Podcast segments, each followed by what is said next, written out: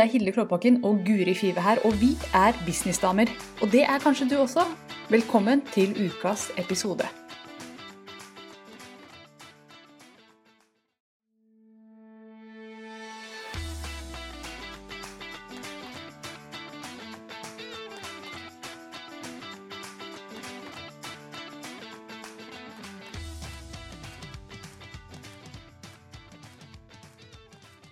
Ja, du Så- har kontroll, Hilde. Ja, Jeg har full kontroll, som alltid.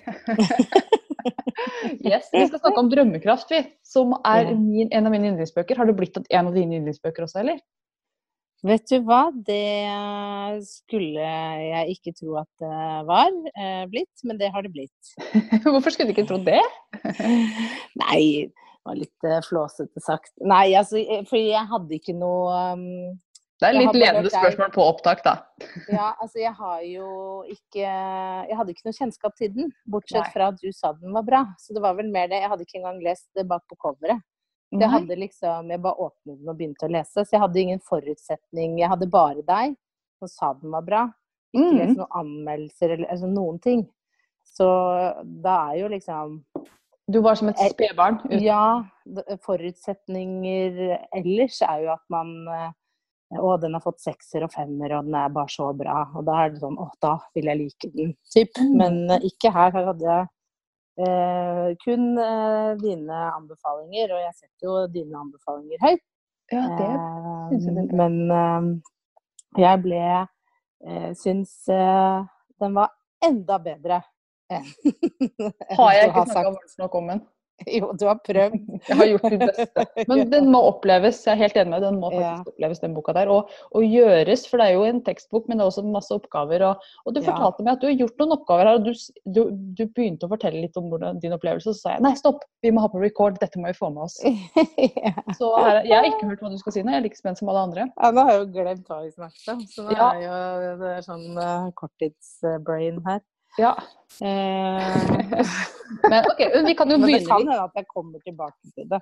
Du, kommer ja, du snakka litt om den røde tråden din, at du har gjort mange Mm. oppgaver i boka, og sa at du kom hele tiden tilbake til én ting. Ja, det er så du- fint at du lytter.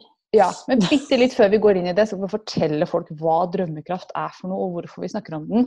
Drømmekraft, det er Ellen Wars fantastiske bok fra 2000 og Den er noen år gammel nå. Og den er snart på tur ut av produksjon, men det fins fortsatt. 2011 ble den, den versjonen jeg har trykka. Mm. Og hvis noen vil ha den, så fins det fortsatt igjen eh, både hos Ellen selv og rundt omkring hos noen få eh, bokbutikker. Eh, Mm. Men dette er, dette er det jeg kaller bibelen for norske gründere. En Mm. bok som rørte meg dypt når jeg satt her og lurte på om jeg skulle starte for meg selv. Endelig en Mm. norsk stemme som snakka om at dette er mulig, dette går det an å få til, her er stegene, osv. Så, Mm. Så Guri, da var det din tur.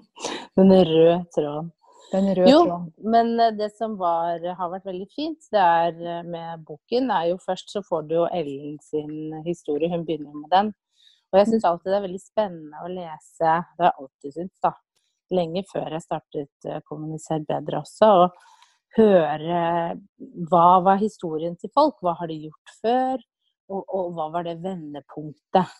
Mm. eh, som man ofte snakker om. Og, det er jo veldig fascinerende med akkurat eh, Ellen, for hun var jo 20 år i næringslivet, og så eh, begynte hun å lytte til hva hun egentlig hadde lyst til å, å drive med. Mm. Eh, og hadde, hun hadde- hun kaller det som prestasjonsprinsesse, tror jeg hun sier. Ja. Eller prinsesseprestasjon, en av de variantene. eh, for hvordan hun var. Og det tror jeg veldig mange, og inkludert meg selv, jeg kjenner meg igjen i det. ikke sant? At man eh, velger ting eller jobber, oppgaver basert på forventninger, da. Ja. Eh, og at man alltid vil være flink pike og prestere. Mm. Eh, At det begynner man med veldig tidlig. Ja. Eh, som, spesielt som kvinne, tror jeg. At man gjør det i tidlig alder. Så bare det å høre hun, eller lese Jeg hører jo henne i hodet når jeg leser. Mm. eh, fortelle om det, syns jeg har vært veldig spennende. Og så går du jo inn eh, og gjør en del Så kommer det jo litt eh, Jeg vil ikke kalle det teori, for teori høres alltid ut som det er så tørt og kjedelig, men du lærer jo litt underveis, og så skal du gjøre en del sånne oppgaver. og det som jeg syns var fascinerende jeg gjorde oppgaven, fordi det er jo oppgaver som hele tiden skal ta deg til hva er det du egentlig skal holde på med her i livet. Mm. Uh, og for meg så kom jeg hele tiden tilbake til uh, skriving. Du vet, det er litt sånn, det er jo ikke det at det er noe nytt, for jeg driver jo med skriving, men at det har en så eh, viktig og stor del i mitt liv som jeg kanskje ikke var klar over. Så det syns jeg var fascinerende. For jo mm. mer jeg jobbet med oppgaven og tenkte gjennom og du skal meditere en del, sånne ting kan jeg synes er litt rart, da.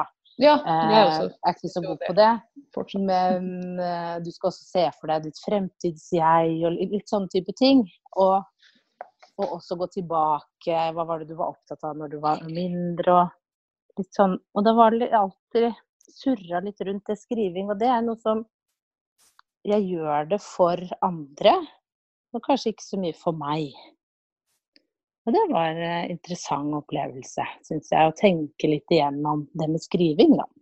Mm. Og hvor viktig det er for meg å holde på med det, og at det er en av de tingene når jeg gjør det, så forsvinner tid og sted, og um, da er jeg bare i, eget, i, mitt eget hode, i min egen verden, og jeg skriver innlegg eller historier. Det bare flyter, og så plutselig har det gått noen timer. Mm. Og det er så deilig når man er bare mm. i den derre sonen hvor, når man bare liksom er helt mm. naturlig. Og det er ikke noe motstand og det er ikke noe stress. Og man har egentlig bare lyst til at ingen skal snakke til seg. Nå snakker jeg for meg selv, da. Mm. Men at det bare sånn Bare gi meg fred til å sitte her og gjøre denne herlige jobben. Tenk at ja, du... Mannen min hater det. Jeg merker det. Ja. Oh, ja. Når han ser at jeg går bort med PC-en, og jeg begynner å skrive, så, så, for da plutselig er jeg borte, ikke sant. Ja. Helt sånn avspå, enser ingenting, og folk kan snakke til meg sånn. Og da ser jeg han, han blir sånn irritert, for da har jeg liksom For det er ikke sånn at jeg bare er borte i fem minutter, som jeg tror at jeg er. Nei. Men jeg er plutselig borte en time og har ikke fått med meg at Å ja! Nei, men jeg skulle jo bare skrive noe. Han bare Ja, men hallo, nå har du vært borte en time, liksom. det er ikke fem minutter. Man, man, tror, og så blir det en time. Ja. Og så er det så kos at man har ikke lyst til å vite hva klokka er heller. Nei, sånn er det hos meg, da. At jeg bare åh, nei, drit, i all, drit i hele verden. Nå er det bare meg og det jeg holder på med. Mm. Det er jo det man kaller for flow state, eller flytsonen. Og mm. sånn som vi snakket om før vi satt på record, tenk at det går an å tjene penger på å gjøre det man bare syns er så ålreit. Mm. Det er jo det er nesten ikke til å tro. Nei. Uh, og så er det jo ofte sånn, da, det som er litt sånn bakdelen her, at når jeg, på, når jeg er i den sonen her, det er når jeg holder på å designe ting. Mm. Og veldig ofte så er det når jeg designer ting for meg selv, for da slipper jeg å tenke hva er det andre syns om dette? eh, sånn at jeg skulle ønske jeg klarte å komme inn så i den flowen når jeg holder på for andre også. Men det tror jeg er en treningssak. Mm. Finner du den flowen når du skriver for andre? Ja, det kan jeg gjøre. Uh, men uh, noen ganger Det jeg syns kan være det vanskeligste, er og Når er jeg Guri, og når er jeg den jeg skriver for? Hvis jeg skriver noe for deg, da, ja. så ser jeg ofte at jeg kan slite med å liksom eh, Nå skal jeg være Hilde. Hvordan er Hildes stemme? Eh, at det kan være til tider vanskelig når, fordi jeg tenker at ja, sånn ville Hilde sagt, og hun ville skrevet det sånn. Og, eh, men, men klar, jeg klarer ikke å være deg. ikke sant? Jeg har jo Nei. alltid noe av meg i, i det. Mm. Så da prøver jeg jo ofte heller å tenke OK, hva ville jeg ha, jeg ha hørt fra Hilde? ja. eh, som mottaker. ikke sant? Jeg klarer ikke å være deg, Men da må man jo også balansere det litt, så det ikke blir for mye min personlighet òg som eh, eh, stikker frem, da. Så det er mm. kanskje det jeg syns eh, Flowen kan komme hvis jeg føler at eh, jeg kjenner eh, temaet godt nok. og fagområdet, så kan det komme. Men hvis det er noe jeg ikke kjenner, hvis jeg skulle skrevet uh, kreativt om oljeboring, så må jeg jo innrømme at det hadde vært vanskelig. Da måtte jeg jo ha gjort mye research for å kunne komme inn i flowen. Mm. Ja. Noen ting er vanskeligere enn andre, da. Ja, så inngangen til flowen, den er litt vanskeligere å Mm. finne når man gjør det for noen andre. Der, der sa du det. Det er faktisk Mm. det, er, det, er, det er å komme inn, inn gjennom den døra. Mm. Det er det det er. Og jeg tror det, det Da må man slappe av og bare tenke at dette kan jeg. Mm. Det tenker jeg at det er min greie i hvert fall. At dette her kan jeg så godt at jeg trenger ikke å tenke på hva andre syns. Dette er min greie. Dette er, Mm. jeg tror den mestringsfølelsen hjelper deg å komme inn i flow, da. Ja, for hvordan er det hvis du designer en, en salgsside for noen, eh, og, og passer på at det ikke blir for mye av deg inn i det? Ja, det, det blir jo litt det samme som du beskriver her, da. At jeg, må jo bare gjette. Ja. hva er det vedkommende liker? For, at for når når jeg lager en salgsside, f.eks., eller lager noe, en nettside, så Mm. lager jeg det jo egentlig ikke for kunden min, jeg lager det for kundens kunde. Ja. Og det kan jo ofte være meg. Ja. Så sånn sett så kan jeg på en måte lene meg litt på meg selv og si at dette liker jeg. Mm. Men det er ikke alltid det gjelder i det hele tatt. Det er å finne den der balansen mellom ok, hvor mye skal jeg stole på meg selv, hvor mye skal jeg hente inn andre, Mm. andre vibes osv. Mm. Mm, så, men øh, ja, jeg kommer inn i det. Gjør det. Ja, ja, ja. Så, men vi snakker jo om drømmekraft her, litt tilbake til Mm. den. Og Ellen snakker jo om den flytsonen også i, i løpet av boka. Mm. Em, men hva var din altså, Har du lest hele boka? Jeg har ikke lest hele. Nei, så du er midt i Nei, jeg er ikke midt i, men jeg har liksom siste del igjen. Jeg ser nå at det er vel en Hva kan det være? 50 sider eller noe mm, utover det. Så jeg har kommet, eh, kommet et stykke. Men det er jo ganske Jeg fikk den jo på fredag, og i dag er det mandag, så det har jo Ja. gått radig, syns jeg, da, som er sånn elendig på å lese mer enn 50 sider per dag. Da skal det være spennende. Så det har jo tydeligvis Her har man truffet meg veldig godt. mm, Jeg syns det er spennende. Men det er jo en del oppgaver som skal gjøres, så det tar jo tid. ja. Det er liksom ikke bare å lese den, og så Nei, eh, for Man du blir sånn så som gira, da. gjør oppgavene, du. Ja, jeg gjør jo oppgaver, ja. Ja, Flink pike, vet du. flink pike. Gjør dette ordentlig. Ja, for jeg husker jeg, jeg leste gjennom den Dette er faktisk Jeg leser ikke sånn kjempemye, men dette er den første boka jeg leste helt ut. Og begynte Mm. direkte på side én igjen. Og begynte på den. Ja, Det husker det jeg. og da- jeg lurt. Og da skrev jeg til Ellen, for da kjente ikke Ellen. Men da skrev jeg til henne og sa at oh god, dette her var bra. Og, og den Mm. omtalen har hun fortsatt på nettsiden sin, som jeg by the way har laget. da. Den er kjempefin, den nettsiden. Jeg Ja, var jeg- bestilte boka der. Ja, du-. Du fikk signert versjon, du da. Ja, det. Oi, Så hyggelig. Jeg har også signaturen til Ellen. Ja da. Det har jeg. Men du vet, jeg har, jeg har bladd opp på en side her. Helt i slutten av boka så er det en oppsummering. 20 trinn fra drøm til virkelighet. Og hva er Ja. hva første trinn er? Det kan du sikkert nesten gjette. Eh, Følg drømmen. Eh, Ja, det er rett Følg hjertet. Ja, stopp opp og lytt til hjertet ditt. Ja. Og i ditt hjerte så er det skriving og tekst. Mm. I mitt hjerte så er det Å, det er så mye der inne. Men jeg tror faktisk pallplassen, topplassen, den går til uh, design. Mm. Der jeg begynte uh, med karrieren min.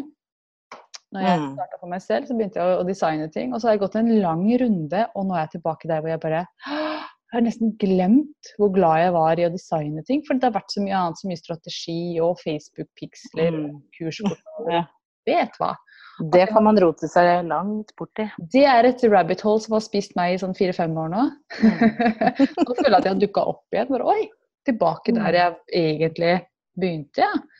Ja. Um, og da kommer denne følelsen her at som jeg sa i stad, går det virkelig an å tjene penger på å gjøre noe som er så behagelig og så Mm. ålreit? Det er som jeg sa, altså, det er nesten som at noen skal si Hilde, jeg skal betale deg for å legge deg i den hengekøya der og bare høre på fuglene.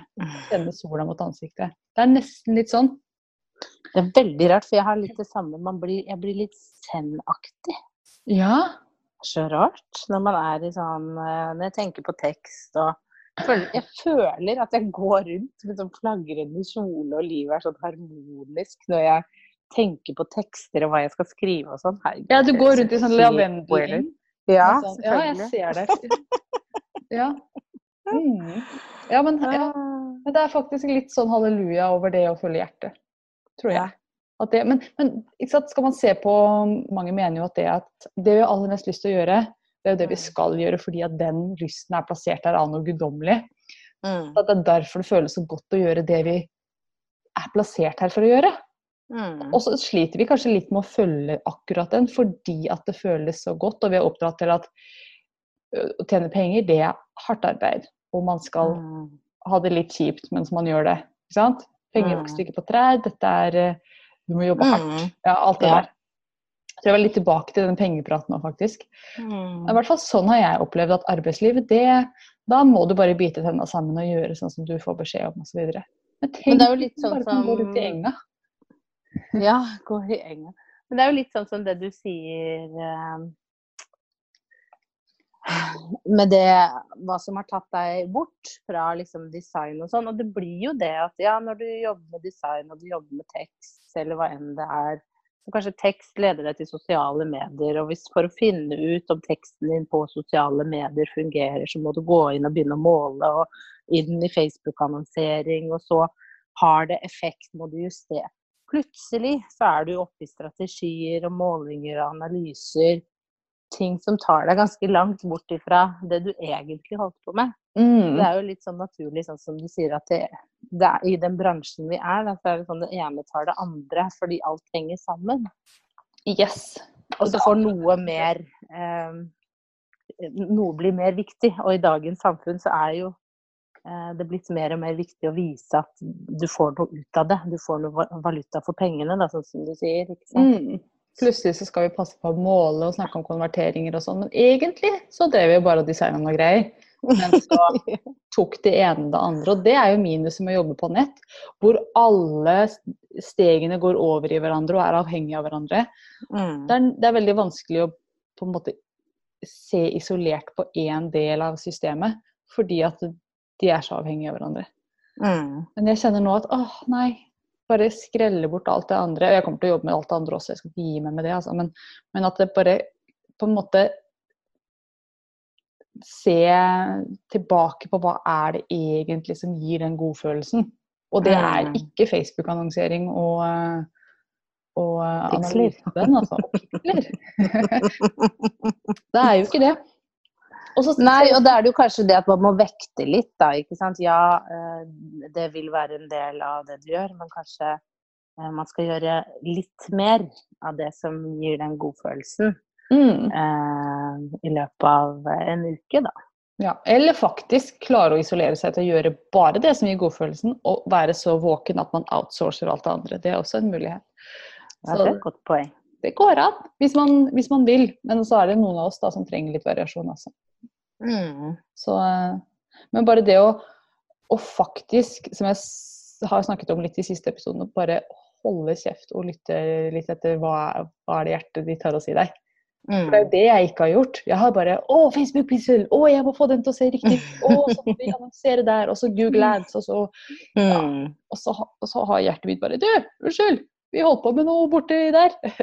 og så Ja. har jeg liksom på en måte lytta så til det. For jeg skal bare få ferdig dette her først. Og så skal jeg gå tilbake til det jeg egentlig vil. Ja. Og nå føler jeg at jeg er litt der at livet har servert meg det litt tydeligere enn før, kanskje. Mm. At det er, at det er på designsida jeg skal operere. Jeg vet ikke. Jeg sier det nå, så går det et par uker, og så er jeg ombestemt meg igjen. Hvis dere kjenner meg, så er det sånn jeg Men er. det er jo litt uh, morsomt, fordi en av de tingene jeg likte veldig godt i boka, var dette med personlige verdier. Og da tenkte jeg jo veldig på den arketypetesten uh, du også har, Ja. uh, som folk kan ta.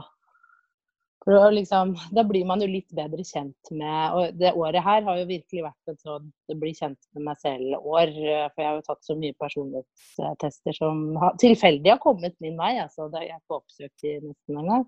Eh, men da, en av de er jo de arketypene. Eller Mm. arketypetesten.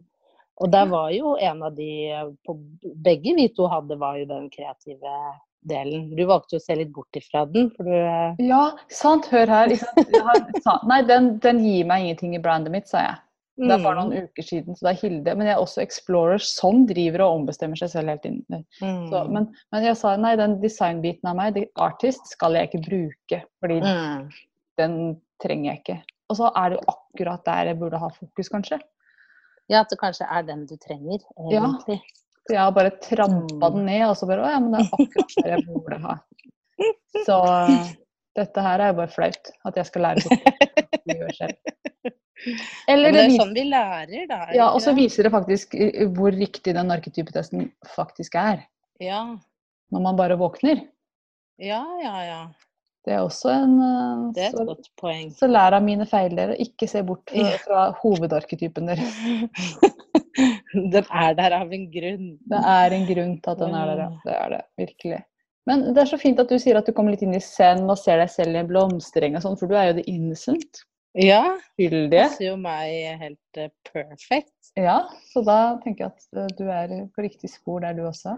Når du skriver, Ja. får du lov til å leve ut den uskyldige i deg.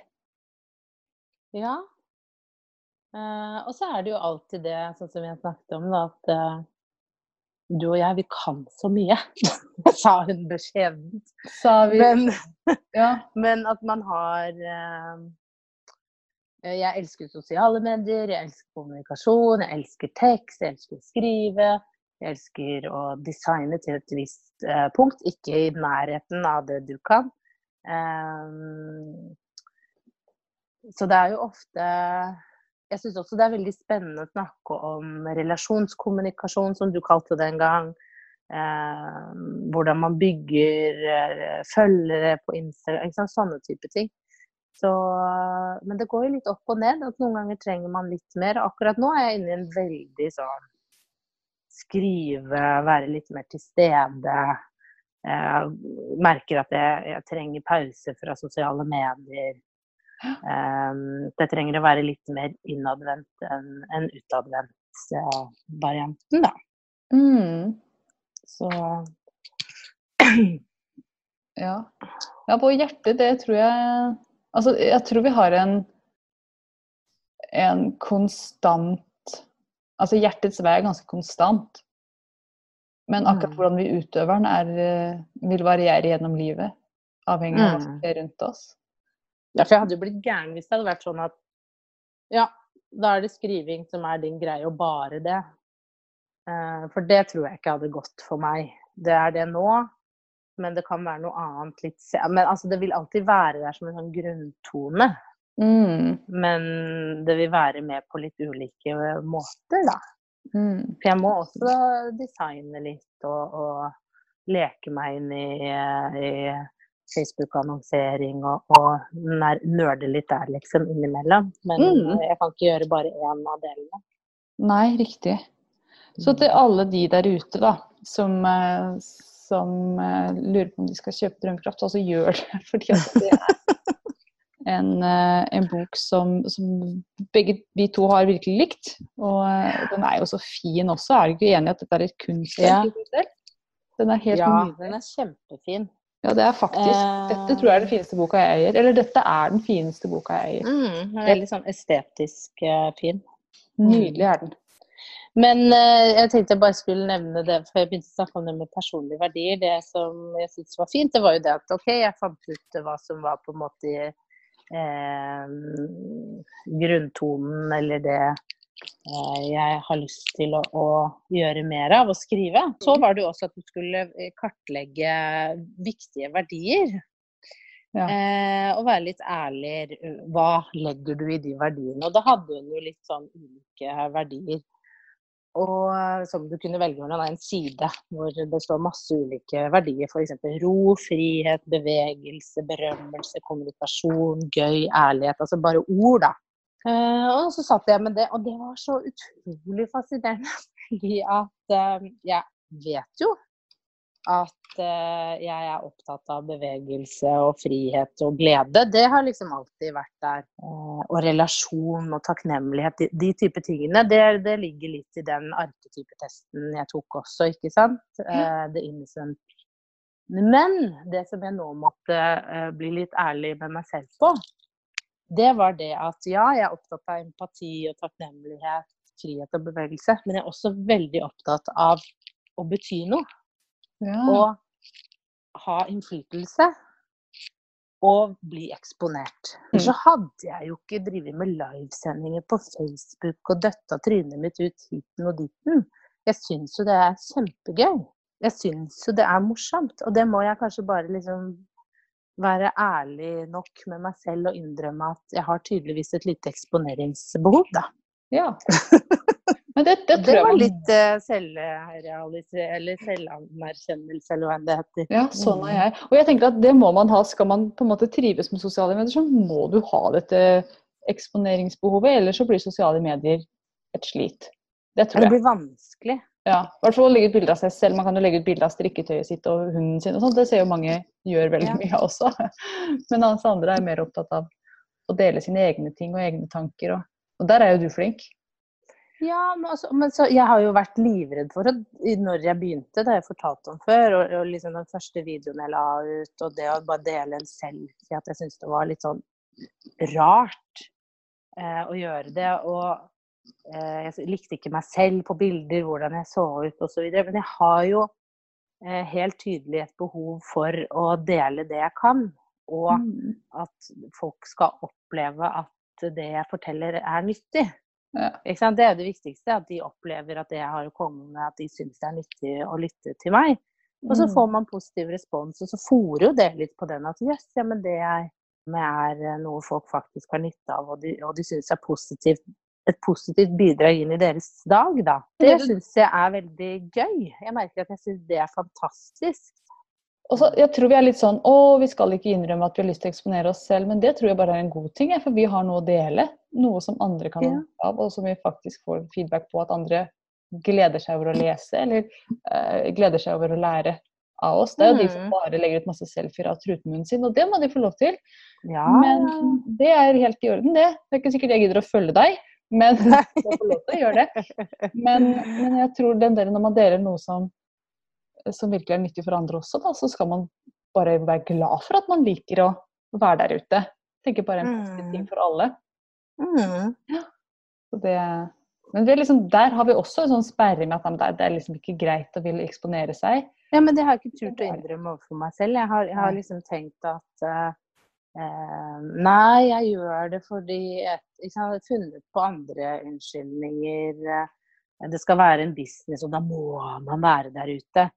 Altså ja og nei, liksom. Det er jo masse bedrifter som eh, ikke trenger å døtte trynet sitt foran der. De, de klarer å bygge det opp uten mm. ha eh, et menneske i front. Men det er noe jeg velger fordi jeg syns det er gøy, og det er den veien jeg har lyst til å gå. Eh, fordi jeg syns det tydeligvis er veldig gøy. Så det var en veldig sånn uh, morsom og flau opplevelse, faktisk. Å liksom komme til den konklusjonen. Sånn er det er litt pinlig. Det er litt pinlig. Og så er det ikke, er det ikke deilig å tenke at ah, sånn er jeg, og det er helt greit. Ja, på en måte var det det. Men jeg skal låne boken til søsteren min da, etter at jeg har lest den. Og så hadde jeg ringet rundt eh, verdi, eksponering og betydning. Så ble jeg sånn Herregud, jeg må kjøpe en ny. Jeg kan ikke sende av gårde den her. Du må jo tro at jeg er bare Du må rive ja, ja, ut den sida. Liksom. Så tenkte jeg da, Hun vet det. Ja, hun vet det. Just own it, liksom. Alle rundt deg vet det. Nå må du Alle. bare eie det sjøl. ja. Ah, det er jo herlig, da. Å få se seg selv og hvordan man er og at det er helt OK. Jeg er veldig glad for at du liker å eksponere det, for du deler så mye bra. Mm, takk. Så det er til oss, oss alles beste at du deler. Hadde ikke vært det samme hvis du hadde delt uten å ha fjeset ditt på, eller ja. Nei, ikke sant. Tekstløst, så jeg syns det er kjempebra. Ja, det er hyggelig å høre. Mm. Så, og så må jeg si en ting til, nei, to ting til som jeg syns var fantastisk. Det var mange gode historier inn der. Elsker ja. å lese historier. Og det var historien til en annen Ellen. Den bare traff meg rett i hjertet. Kjente meg igjen i alt. Ja. Fantastisk historie. Nå sitter jeg og blar eh. febrilsk, jeg finner jo ikke den. Det er jo mange hundre sider her. Det jo... Ja, det er mange, eh, mange, sider. Men jeg har jo selvfølgelig eh, eseløret den. Ja ja, for den var sånn jeg tenkte bare Oi, men den var veldig lang, da. Hva handlet den om, sånn i korte trekk? Du, det handlet om eh, Nei, Ellen het Elisabeth. Ja. Eh, hun eh, var jurist i et stort konsern og trebarnsmor. Kjente du deg igjen litt? og hun var egentlig Hun visste ikke helt hva hun ville. Hun bare syntes det var litt masete liv, da. Mm. Eh, og så fikk hun i oppgave å, å bare være stille en hel, dag, en hel, dag og lytte til sin egen hjertestemme, da. Eh, jeg syns det er så rart ord, hjertestemme. Jeg merker at det er litt for klissete for meg, men jeg skjønner jo hva hun mener. Eh, og så eh, på kvelden så sendte hun en eh, mail til, hun, til Ellen da, og skrev hva hun ønsket seg. Og det var, eh, det var, så fint. Hun begynte liksom med at hun, jeg ønsker meg et liv fullt av overskudd og glede. Jeg vil ha god tid til barna mine, kjæresten min og til venner og familie. Jeg ønsker også å ha en jobb hvor jeg gleder og inspirerer andre. Jeg drømmer om et sted hvor folk kommer både på overnatting og bare en tur innom. Og det var bare så, det begynte der, så tenkte jeg bare ja, ja, ja. det var veldig eh, Jeg vil også ha det sånn. Tid og overskudd. Jeg snakket jo om det i forrige episode òg. Venner, familie er viktig for meg. Mm. Jeg vil ha masse tid til det. Ja, Og det har du ikke i dag, eller? Jeg har nok litt begrenset tid til det. Jeg skulle gjerne hatt mer. Og så tror jeg det handler om hva man velger å prioritere. At, uh, sånn som i, i, helgene så skulle jeg se at jeg må være flinkere til å invitere folk. Og det gir meg så mye, da. Bare invitere på middag, være litt på. Eh, jeg snakker jo veldig ofte om å bry seg eh, om andre folk. Mm. Og jeg er i en periode nå i livet hvor man, man, bygger seg opp karrieremessig. Man får barn, de er små. Da er det lite tid til egentlig å bry seg om noen andre enn seg selv. Men det er kanskje akkurat da man skal gjøre det. Og det trenger ikke å være så mye, da. Men uh, begynne litt med å sende litt meldinger. Invitere på kaffe eller invitere seg selv ofte. Folk, jeg sitter jo bare her hjemme ofte småting man kan gjøre for å få litt mer av det livet man egentlig drømmer om. Det er ikke, ofte, ofte, ikke så veldig mye som skal til for å komme nærmere drømmen. Nei. Altså, kanskje kan man egentlig nå den i dag. ja, ikke sant. På noen områder, da, i hvert fall. Ja, ja, og så ja. gjør man det ikke. Og når jeg sier mann, så mener jo jeg. Jeg snakker bare for meg selv. Jeg kjenner jo ikke andres indre. Men, uh, men, ja, så det var det. Men du hadde en ting til som du syntes var fantastisk? Ja, det var ditt fremtidsjeg. Å prøve ja. å se for seg uh, om 20 år. Og jeg skal bare si det, om 20 år så ser jeg fantastisk digg ut. Ja, det gjør du nå også. Ja, du har på meg en rød, tettsittende kjole, og håret flagrer. Og det er en eller annen grunn så er det tydeligvis en vindmaskin rundt meg hele tiden. Fordi ja. det bare Håret bare Jeg ser det for meg. Og så er jeg, er jeg ikke eldre enn 35. Det er veldig rart. Nei, nei, jeg ser jo ikke ut som jeg er uh, Hva er det her om 20 år? 55? Nei da. Holder det på 35, ja. Så bra. Ja, det skal jeg også. Fantastisk. Hmm. Men hva holder du på med om 20 år, da? Bortsett fra å stå der og være deilig i vindmaskinen? Nei, det var jo veldig Det var veldig morsomt å, å se å tenke seg selv 20 år fram i tid. Eh, og hvilken følelse man eh, har om seg selv. Og det meste var egentlig at man er selvsikker og man har tatt de valgene man ønsker for livet. Og eh, med ro, harmoni eh, Masse mennesker som er rundt en hele tiden. Uh, og man har det nettverket man har bygd opp. Sånn som du og jeg, vi har jo hatt uh, nå en uh, gang nå med den samlingen vi hadde i Var det i oktober vi hadde den? Helt. Ja. et liv hvor det er mye av sånne ting.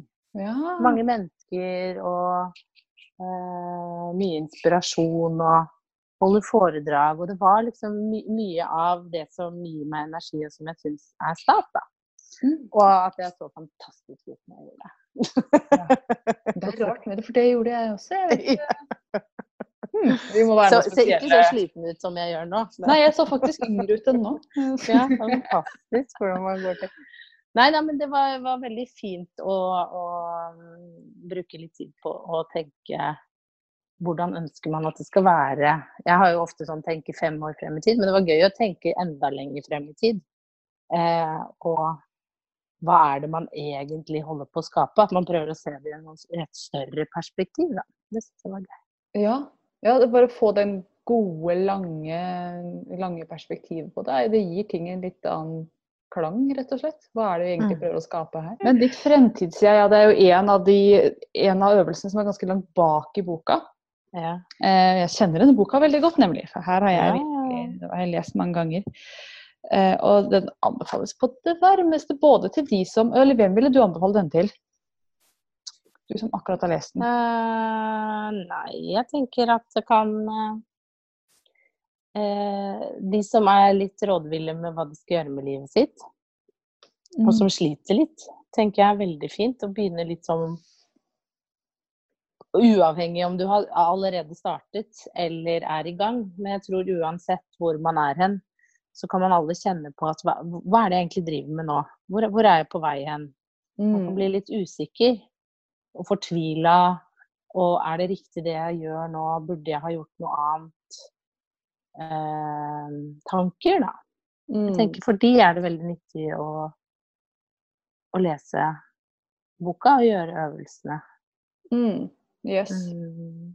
Personlig så leste jeg boka når jeg var i en fase hvor jeg hadde begynt så vidt å tenke på dette her, men kanskje jeg skulle prøve for meg selv. Da. Men, men da jeg var i en fase hvor den tanken var veldig fjern fortsatt. Det var Mm. veldig sånn Det er lenge til, og det kommer til å skje, men ikke på lenge enda. Og jeg tror denne boka faktisk eh, framskynda min eh, jump-off med mange år. så, Ja. så fordi at jeg begynte å se hun, altså, som jeg sa, hun var den første norske stemmen som sa at dette er mulig, og hun var, Mm. hun var på en måte en voksen. da, Nå lager jeg hermetegn, for jeg var jo 25, og hun var jo ganske mye eldre. Og hun sa at jeg fikk på en måte en liten sånn tillatelse fra Ellen, det var før jeg kjente henne, om at Mm. dette er faktisk greit. Og det er riktig hvis du kjenner i hjertet ditt at dette er din vei, så er det den Mm. veien du skal gå, og du skal stole på deg selv på det. Og den boka var en sånn god kompanjong på den helt i oppstarten, og den er fortsatt en god venn, den boka. Mm. Så, så jeg anbefaler alle, uansett hvor på veien de er, å lese den. Mm. For Ja. er det noe for alle. Helt klart. Mm. Så, og så må man jo bare ha den, for det er jo en juvel på hylla. Jeg har den jo framme, så den står liksom bare og er fin. Når jeg ikke leser, Ja. så står den Mm. og bare og kaster glans. Det er min vindmaskin. ja. Er med overalt, bare for å gjøre det fint rundt meg. Husker du hva du tenkte ditt fremtids-jeg var når du gjorde den for eh, Ja, eh, og det jeg husker var at hun var eh, Du møter ditt fremtidsjeg i ditt fremtidige hjem, ikke sant? Ja. Ja, Så jeg husker det hjemmet, og det er jeg fortsatt på utkikk etter. Jeg vet akkurat hvordan det ser ut. Der har jeg vært mye rundt. Kjenner alle Ja. rommene. Og det som var spesielt med mitt fremtidsjeg, var at hun hadde sånn sal i kjelleren. Og det var ikke sånn kjellerkjeller, det var utsikt fra kjelleren. Som var et sånt møterom hvor man kunne møtes. Og jeg visste ikke Ja. hvem som skulle møtes i det rommet, men jeg visste at jeg skulle eh, ha noen mennesker hos meg, på besøk hos meg, som ville komme til meg for å, for å dele et eller annet med meg, eller lære noe av meg. eller et eller annet. Og det holder jeg på med i dag. Og jeg har Mhm. faktisk et rom i kjelleren som jeg bruker når jeg har, har kunder her. eh, Og det er jo studio, da, men, men ting ligner egentlig lite grann. Og det, dette er jo fortsatt 15 år fram i tid. Så jeg har god tid til å utvikle den, eh, den ordentlige visjonen. Men jeg føler at jeg er på vei dit, altså. ja, så gøy. Ja. Jeg Så- syns sånt er så gøy. Jeg snakker jo mye om at man må, ha, man må legge en plan, ikke sant. At jeg har jo hatt disse femårsplanene mine og sånn. Og jeg syns det er så gøy å gå tilbake, og når man ser hva har man klart å få til. Ja. Og da spesielt, så her snakker vi jo enda lenger fremover, hva At man hele tiden jobber mot noe. Jeg tror det er lurt, da. Mm. Jeg tror eh, Ellers så vet man jo ikke hvor man Altså føler jeg at man bare Da tar jo livet en bare og kaster en rundt, og det er litt sånn uten mål og mening. Men det, det er liksom Jeg tror det er lurt å bare drømme og fantasere litt om hvor du skal. Jeg tror det er kjempelurt å drømme. Drømme masse. Ja. Og føle at man er der. Og gi Mm. følelsen av hvordan er det å være der. Samtidig som man passer på å nyte reisa ditt. fordi at eh, jeg har ikke lyst til å komme dit om 20 år og være der og tenke at oi, jeg glemte jo å se meg rundt på veien. Nei, det er et godt poeng. Så Ja, det er et veldig godt poeng. passe på å se hva man har fått til, til, til i dag også. At det, oi, Mm. det er bra nå også. For om 20 år så kommer man til å tenke på å herregud, så ung jeg var på den tida. Og at jeg ikke ja, på det var da vindmaskinen var der. Ja. Men det som også var litt gøy, hun, er en av mine favorittforfattere, jeg uttaler navnet hans alltid feil, men det er Paul Chuelo. Ja. Eh, og hun refererer jo mye til han. Han snakker jo Jeg hadde helt glemt Jeg har lest de bøkene hans 18 ganger. Eh, men for veldig mange år siden så tok jeg fram eh, en av de, Elvin Pedra satt jeg og gråt'. Og det handler jo masse om å følge hjertet. ja. Eh, så fascinerende. å bare lese den igjen. Hva het den, sa du? Eh, ved elven Piedra satt jeg og gråt. Ved elven Piedra satt jeg og gråt. Mm. Mm. Jeg trodde Eh. du satt og gråt, jeg. Jeg misforsto tittelen. Oh, yeah. Det var ikke du som gråt. Nei. Men den handler om å følge hjertet, og Ellen refererer til den i boka si. Nei, hun refererer til den første, som er alkymisten. Ja. Eh, eller den som på en måte er den, den som er den største. Men jeg er veldig glad i den eh, eh, Elvin Piedra satt jeg og gråt. Det, det handler jo mye mer om kjærlighet, da. Jeg liker jo gode kjærlighetshistorier. Mm. Men eh, det var veldig gøy å, å kunne gå tilbake og, og fordype seg i litt sånn skjønnlitteratur, hvor du får egentlig veldig mye av de samme tankene som Ellen snakker om i boka, reflekterer jo han i eh, skjønnlitterær variant. Ja, nydelig. Ja, Ellen har masse referanser i den boka, masse flotte sitater, og det er, det er en Mm. eh, opplevelse å lese den boka her. Mm. Virkelig, så hun har gjort en ordentlig god jobb. Så Mm. vi må avslutte nå. Vet, vi har selvfølgelig holdt på litt for lenge, tror jeg. Som vi alltid gjør. Det er ikke så farlig. For lenge, hva er dette for noe? Vi kan jo bare si at det skal være er for lenge? Slutt, å- slutt å prøve å holde oss til mellom 30 og 40 minutter, for det har ikke funnet en eneste gang. Det tror jeg. Jo, kanskje én gang. Kanskje en gang. Men i hvert fall, vi kan oppsummere med at dette er en utrolig god bok for alle som går med en drøm. Om det er en gründerdrøm Mm. eller en annen drøm, det er ikke egentlig så farlig, men den er i hvert fall midt i blinken for gründere. Ja, ja, ja, virkelig. Ja, og om du er i begynnelsen av reisa di, eller om du har holdt på i 20 år, så er det masse Mm. uh, å lære av den boka her. Tror jeg. Nå har ikke jeg holdt på i 20 år, men jeg tror at de også vil kjenne igjen Mm. ja, få noe verdifullt ut av den. Den kan bestilles på ellenvar.no. Den- Da får man signert utgave. Jeg tror faktisk du til og med får en rabatt hvis du kjøper Ja, den ja, fra ja, Ellen. du gjør det. Ja, du Mm. gjør det. Så, så det, jeg anbefaler å kjøpe den der. Ellers er det noen bokhandlere som har den. Men Ellen har fortalt meg at hun sitter nå med et restlager. Eh, og det er det siste som kommer til å bli trygt. Med mindre det tar helt av nå etter denne her um, podkasten. Og det regner jeg med at det gjør, så da blir det et nytt opplag og greier. Men hvis ikke det, så må du, må du kjøpe nå, altså. Og jeg vil varmt anbefaler jeg å investere før det blir umulig å få tak i den. Men det som er morsomt, er at disse kopiene som fins, de kommer til å bli så mye verdt. De kommer til å gå i taket og bli verdt millioner. Ja. Cirka Om 20 år. om 20 år, når vi er i drømmen vår foran vindmaskina. Stå der og fryde deg over at du eier en kopi av denne boken. I det, det nåtidsguri gikk inn og møtte fremtidsguri, så holdt fremtidsguri opp boken Ja. Og sa 'tenk at du kjøpte denne, jeg har blitt millionær'. Mm. og så vindmaskin. Og så vindmaskin. Cue the vindmaskin. Mm. Og med det så skal vi takke for i dag. Ja, takk for, Takk for praten, Guri. Selv takk. Ha det! Ha det.